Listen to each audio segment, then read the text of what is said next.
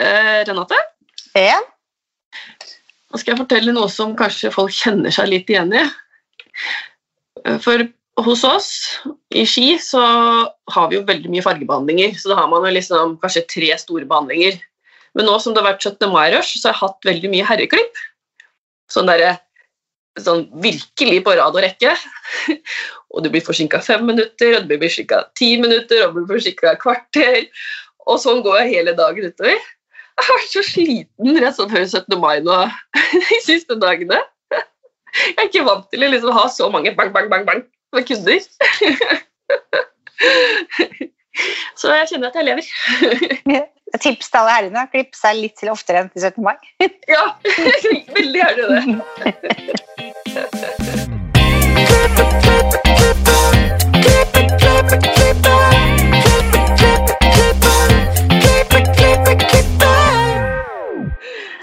Velkommen til Hårbånden. Jeg heter Renate. Jeg heter Ann-Marit. Ann-Marit, hvordan har uka di vært? Nei, det er jo litt roligere nå som eh, 17. mai er over.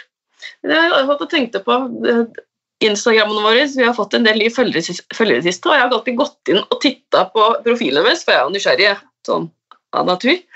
Og jeg er så imponert over hvor flinke folk er til å ta bilder og lage frisørkontoer. Altså. Ja, De er kjempeflinke. Ja. Det, det har holdt på mye nå, lenge nå, med Bak stolen awards. Ja. Og jeg må bare si at det har åpna øynene mine for mange frisører på, altså spredd utover hele landet som jeg liksom aldri har tenkt på før. Det er ikke sant? Og det er, altså det er, det er fantastisk hvor mange frisører, flinke frisører vi har. Mm, virkelig, da. Men uka di, da, Renate? Jo, det, uka mi har gått til Bak stolen, det har gått til Hårpodden, det har gått til å nedlegge 17. mai. Mm. Så nå sitter jeg med beina slengt på stuebordet, avslappa i sofaen og spiper med deg og Ja. gjesten vår.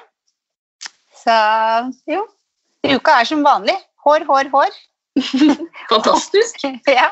Hår, mat, sove, trene, stå opp. Repeat. Ja. Det er det det er.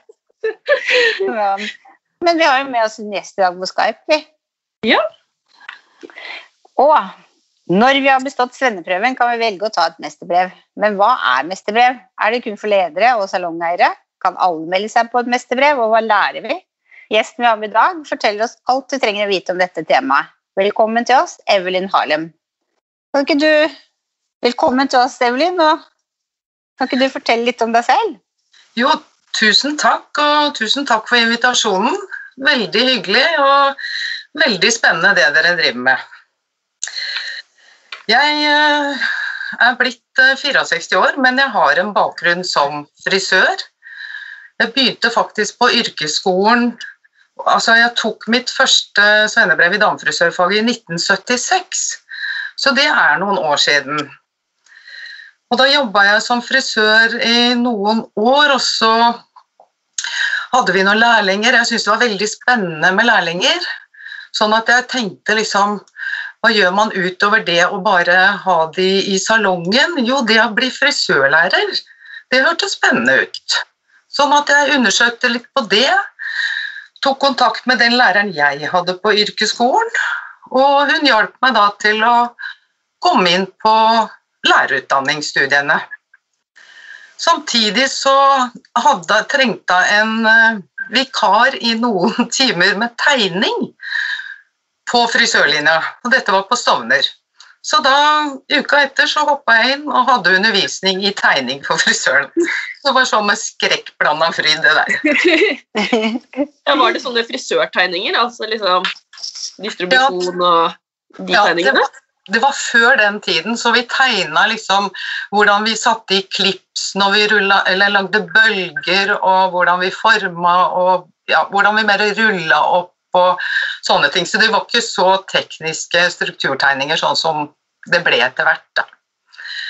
Så det var liksom starten på den lærerutdanninga, men så tok jeg i hvert fall lærerutdanning og syntes det var veldig spennende. Så jeg jobba jo i skolen i mange år, samtidig som jeg tok utdanninga for det som het håndverksbrevet den gangen, da, som gikk på økonomi og regnskap og sånne ting. Og da fikk jeg noen ekstra poeng, sånn at jeg fikk også godkjent studie på lærerutdanninga. Ja. Så, så det er liksom, da bygde man litt opp så man fikk liksom fullført studiet. Og så etter hvert så fikk man da fast jobb på skolen. Så der holdt jeg på i mange, mange år. Men så ble jo frisørutdanninga endra. Da jeg starta der, så hadde vi jo frisørelevene i tre år. Da gikk de to år på skolen, og så var det siste året så var de ute i læra, hvor det var én dag inne på skolen og fikk teori. Men så forandra dette seg med Reform 94 osv. Så, videre, så det ble helt annerledes å være lærer. Så da tenkte jeg vet ikke om jeg helt syns dette er helt topp lenger. Så da søkte jeg meg Titta litt på andre jobber, og så fikk jeg jobb i NRK som gruppeleder for sminkøren og frisørene der. Så gøy! Ja, veldig gøy. Veldig flott arbeidsplass og sånt. Så jeg var der i syv år og hadde det veldig bra. Men så kjente jeg samtidig at jeg lengta litt etter dette her med utdanningen for frisørene. Og da søkte jeg, så fikk jeg jobb i mesterbrev. For da gikk det på høyere utdanning for frisørene, og hva kan man gjøre videre for frisørene? For at de skal få en større ballast, høyere utdanning, ja, mer kompetanse. Men da, du da, da du var frisørlærer, da var du på Stovner? Jeg var på Stovner, ja. Ja. Så der var jeg mer eller mindre i 20 år. Wow. Samtidig som jeg tok eh, lærerutdanninga og veiledningsped og sånt noe. Så jeg var mer eller mindre Da jobba jeg også i en sånn gammel, tradisjonell herresalong, så jeg tok eh, herresvennebrevet da i 85. Og det var sånn Jeg tok det ti dager før jeg fødte nummer to, så det var sånn Men, men så, Og det gikk helt fint. Så, nei da, så det har vært eh, litt av hvert. Men eh, det som det starta med, var jo frisørutdanning. Så jeg bare ser liksom hva det har gitt meg videre i ulike typer jobber og sånt noe. Som jeg i dag sitter da med mesterbrev og holder på med mesterutdanningen. Og syns det er spennende. Er det fortsatt sånn at du har frisøren så inn i ryggmargen at når du ser folk på butikken eller ute et sted, og så tenker du ah, den har farga håret med en 7-0 pluss det og det, og jeg ser at den klippen er sånn og sånn, den kunne jeg tenkt meg å gjøre det med, egentlig. Er, du fortsatt sånn? Det er det. Er det? Med det. Ja. Så gøy! Ja, ja. Det, det ligger så i hjerterota av faget, og jeg er så stolt av å si at jeg er frisør i bunn. Sånn at jeg Ja. Jeg har alltid vært kjempeglad i faget mitt. Og jeg er stolt av å se hvor mye bra som leveres av dere. Hmm. Du har jo virkelig maksa ut det du kan gjøre i denne bransjen, og jeg er helt imponert. Takk for det. Ja, for meg så har det vært en fin karrierevei. Det har det. Mm. Men hva er et mesterbrev? Du, det er en eh, høyere yrkesfaglig utdanning. Og det bygger på fag- eller svennebrev. Og det er faktisk eh, I dag så er det jo noen eh, og 70 aktuelle fag, så gjennom tidene så har det vært over 90 fag du kan ta et mesterbrev i. Og du kan si Det bygger på det tidligere håndverksbrevet, som du da i sin tid måtte ha for å kunne drive bedrift og ha ansatte utenom din egen familie. Og så i 1987 så gikk det over til å hete mesterbrev. Fra det gamle håndverksbrevet til mesterbrevet. Da ble det gjort om i forhold til utdanningen, innholdsmessig ble litt annerledes osv. Så, videre. så det er jo primært en eh, leder- og etablererutdanning som er beregna ut i næring, altså til små og mellomstore håndverksbedrifter. Så det er det primære på det. Og det ligger under Det er jo Fiskeri- og næringsdepartementet som eier mesterbrevordningen. For det er privateid. Nei, det er departementet som eier selve mesterbrevloven og ordningen, og så er det sammensatt av eh, arbeidslivet og altså arbeidstaker- og arbeidsgiverorganisasjoner, så det er et trepartssamarbeid som styrer mesterbrevordningen. Og så er det et styre da, som heter Mesterbrevnemnda, som håndterer og forvalter selve mesterbrevloven. Men hva lærer vi når vi velger, hvis vi velger å ta et mesterbrev? Hva er det vi skal lære da? Du, da lærer du eh, det å drive en bedrift. Altså etablere, drive en bedrift når det gjelder markedsføringsledelse, økonomistyring, administrasjon, alt med lovverket, og da er det retta mot bedriften i eget fag. Sånn det, og da er det jo flere som går på de første året studiet som heter bedriftsledelse, som er blanda av forskjellige fag. Det være tømrere, det være bakere, det være fotografer, bunadtilvirkere. Så da har man samla sammen i en sånn blanding som gir folk veldig mye sånn tverrfaglig erfaring. Når man er ferdig med det første året, som er mer sånn administrativt, da, så er det noe som heter faglig ledelse og faglig fordypning. Og da går man mer inn på det å lede helt sin egen bedrift. Eller være leder i en bedrift, eller ha litt lederansvaroppgaver. Altså, det varierer jo fra størrelsen på for dere, altså salong til salong, eller ja, ulike sånne ting. Og Når det gjelder den faglige fordypninga for frisører, så er det nå læreplan inneholder den at man skal lage en type mesteroppgave. Og da kan man fordype seg i faget sitt. Og jeg vet at det er noen som har sett veldig mye på dette med produkter og drive hva skal jeg si, miljømessig, se på det og tenke nytt innenfor det. Og så er det andre som har uh, tatt for seg f.eks. teknikker. Før i tida så brukte man kanskje ulike produkter kontra det man bruker i dag, og så ser man på fellesteknikker, og så utvikler man, og så kommer man fram til noen nye ting. Så det er uh, litt av den uh, utdanninga som er i dag. Ja, for du kan liksom velge hva som helst når du velger uh, å skrive denne oppgava. Da. Det kan liksom være Ja. ja.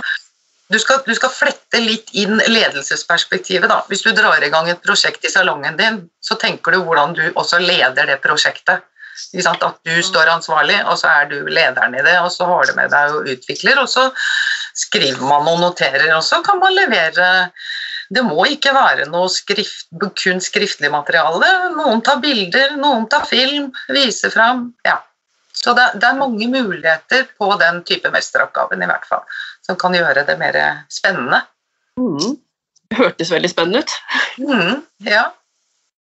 Men kan alle ta et mesterbrev? Sånn, eller er det liksom tilrettelagt for salongeier og Du, alle som eh, har et fag- eller svennebrev, og som ligger under mesterbrevloven, kan ta mesterutdanning og få tildelt et mesterbrev. Så det varierer jo hvilket fag det er. Men som jeg sa i stad, per i dag så er det i hvert fall rundt 70 fag som kan gjøre det. Men hva er mesterbrevloven?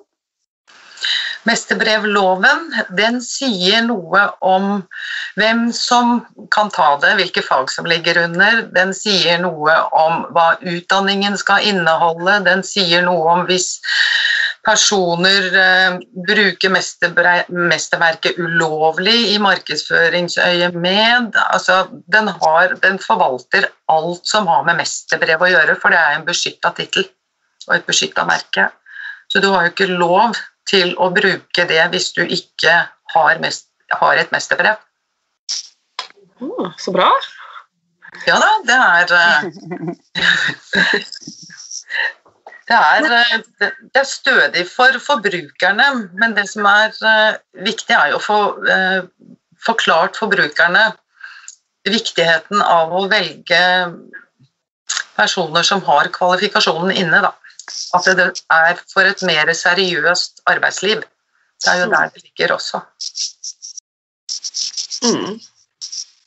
Det var, jeg kan jo si, mm, altså Fra tidligere, når mesterbrevordningen ble i 87, det var den som begynte å være gjeldende, så var frisørfaget et av de største fagene i mesterbrevordningen.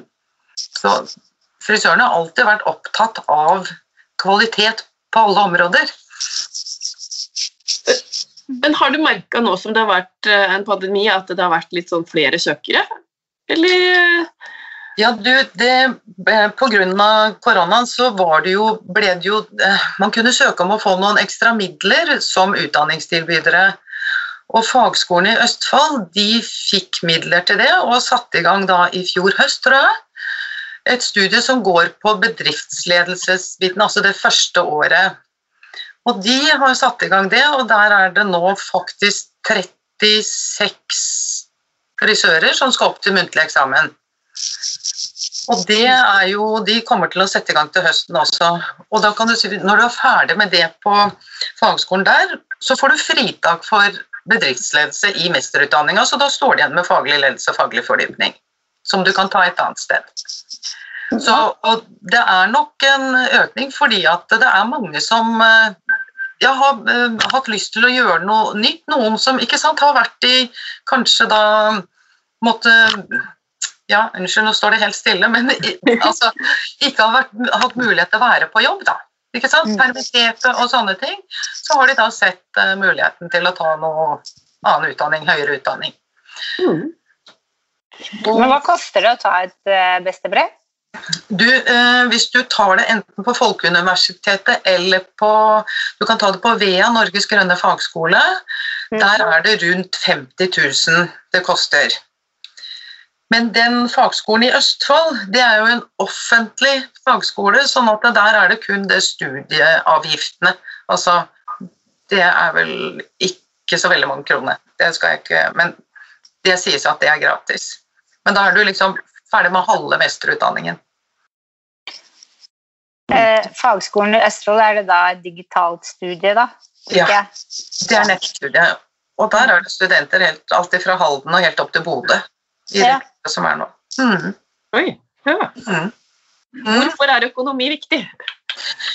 Økonomi er jo viktig for at du skal eh, klare å eh, se driften av en salong. Altså hva går ut, hva går inn, hva er alle kostnader som man må ta hensyn til, og så at man da må få drevet på en seriøs måte. og se alle nødvendighetene, altså det er skatter og avgifter, eh, være seg når man forbruker av produkter i salongen, alt dette regnes jo med, husleie, strøm, alle de tingene, og det er mange ting som man kanskje ikke tenker over i det daglige, men dette lærer man om i mesterutdanninga når det gjelder økonomi, og det kan jo slå tilbake litt sånn privat også, at man tenker gjennom økonomien på litt andre måter når man får andre innfallsvinkler. Så så økonomi har man alltid bruk for uansett hvilken retning man går i. Hvis vi skulle ønske å starte for oss selv og drive mm. en salong, ville det vært lurt av oss å tatt et mesterbrev først? De som har tatt mesterutdanningen, de sier at det er veldig nyttig for dem. Uansett om de, ikke, om de skal starte bedrift, eller at de er ansatt i en stor kjede og får en rolle som daglig leder og forstår hele driften, hvor viktig alle elementene er i den daglige driften å tenke på. Det er de signalene vi får tilbake, i hvert fall. Men kan man bruke en utdannelse til noe annet enn å være leder og salongdriver? Liksom? Ja, så du kan jo da eh, en karrierevei i andre retninger, for du får jo med deg dette som en blast. Jeg vet det er veldig mange som da som har gått nesten samme vei som meg, og tatt, eh, når de ikke fungerte lenger som frisører, at de har tatt en lærerutdanning og blitt lærere. Og der har de jo, altså, Andre har jo igjen blitt opplæringsansvarlig i salonger, i store kjeder. Og så har man da et springbrett videre. Eh, Det jeg også kan si, Den eh, fagskolen, der får man også ti studiepoeng. Det er også mange som er veldig opptatt av studiepoeng, så der får man det. Og så kan man bygge da videre på andre studier. For da har man en ballast å komme videre. Mhm. Ja, jeg synes eh, det, det høres liksom ut som det er det For frisører er så kreative og bruker hendene våre, så dette er liksom en helt annen retning, men samtidig det samme. liksom. Mm. Mm. Ja, det blir jo det på en måte. For at du Kreativiteten det vil jo alltid være der. Og så kan du si at man blir kanskje litt nysgjerrig på litt andre retninger, og så trekker man jo med seg det videre. Så Den kombinasjonen er jo veldig bra som karrierevei videre, syns jeg. Mm. Har du hatt bra utbytte av det? Jeg syns absolutt det, ja. Jeg må si det. Sånn at jeg har liksom hatt muligheten til å, å, få gå på den videre utdanningen og høyere utdanning og de tingene jeg har hatt, uh, fått gjort da, med den bakgrunnen og den ballasten. Mm. Så syns jeg det er mye. Mm. Vi har noen faste spørsmål til deg også, vi. Ja, ok. har du noen tips til andre frisører? Tips? Altså, da vil jo jeg tenke tilbake på utdanning og sånt, og at det er eh, det er jo mange muligheter til å se andre karriereveier, selv om du ikke bevisst har et sånt mål med en gang. Men det åpner seg underveis ofte også, som veien går til. Og da tenker jeg da, jo mer man har som man også syns er litt interessant, så ser man at det åpner seg andre muligheter. Så jeg syns det er bare å anbefale å være nysgjerrig på videre utdanning, høyere utdanning i ulike retninger. Hmm. For faget kjenner man jo altså Man er jo så glad i det faget sitt, så der oppdaterer man seg hele tiden. Og det ligger der hele tiden, men å få noen andre input tror jeg også kan være nyttig. Hva inspirerer deg? Altså, jeg blir eh, inspirert av når folk er engasjert og nysgjerrig på ting. Og lurer på og tør å stille spørsmål, og at ingenting er feil å stille spørsmål om. Og så må jeg si jeg, jeg tenker fag, frisørfag. Altså, når jeg ser hvor dyktige de er i internasjonale konkurranser, eh, drev jo litt med det tidligere selv. Altså, jeg er stolt og ja, blir inspirert når jeg ser eh, alt som foregår i frisørbransjen. Hva konkurrerte de? Jeg må spørre. Ja, du, den gangen så var det eh, selskapsfrisyre og dagligfrisyre. Ah, det var det samme som jeg gjorde òg. Ja. ja. Så gøy. Så, så jeg ble faktisk norgesmester lærling, som lærling. Nei, wow, gratulerer, holdt jeg på å si. Så gøy. Det var også på 70-tallet.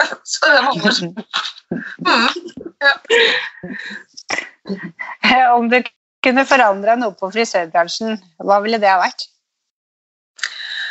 Altså, jeg, ikke, jeg, klarer ikke helt å se hva jeg skal forandre veldig på, men jeg syns det er så viktig å få anerkjennelse for hvor dyktig den bransjen er. Og jeg syns på en måte var det litt eh, godt når koronapandemien kom og hvordan da statsrådene sto fram hvilke behov de hadde for frisøren sin. Altså den, det var viktig for dem og sånn.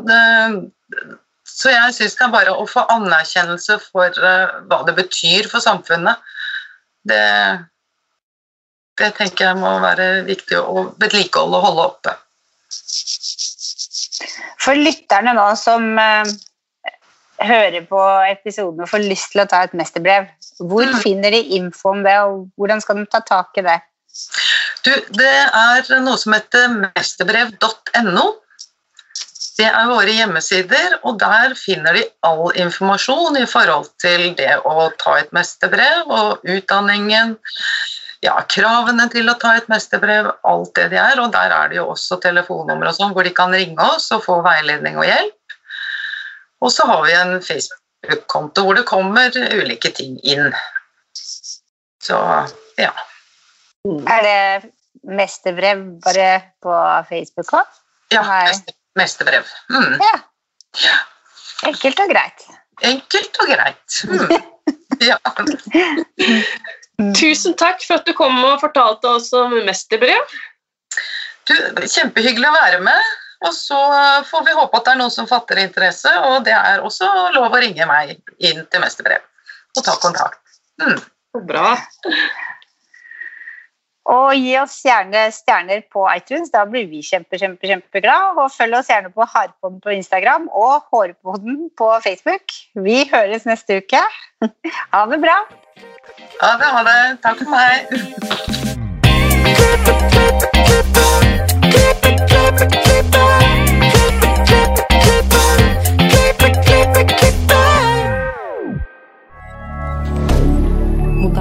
media. Har du et enkeltpersonforetak eller en liten bedrift? Da er du sikkert lei av å høre meg snakke om hvor enkelt det er med kvitteringer og bilag i fiken, så vi eh, gir oss her, vi. Fordi vi liker enkelt. Fiken superenkelt regnskap.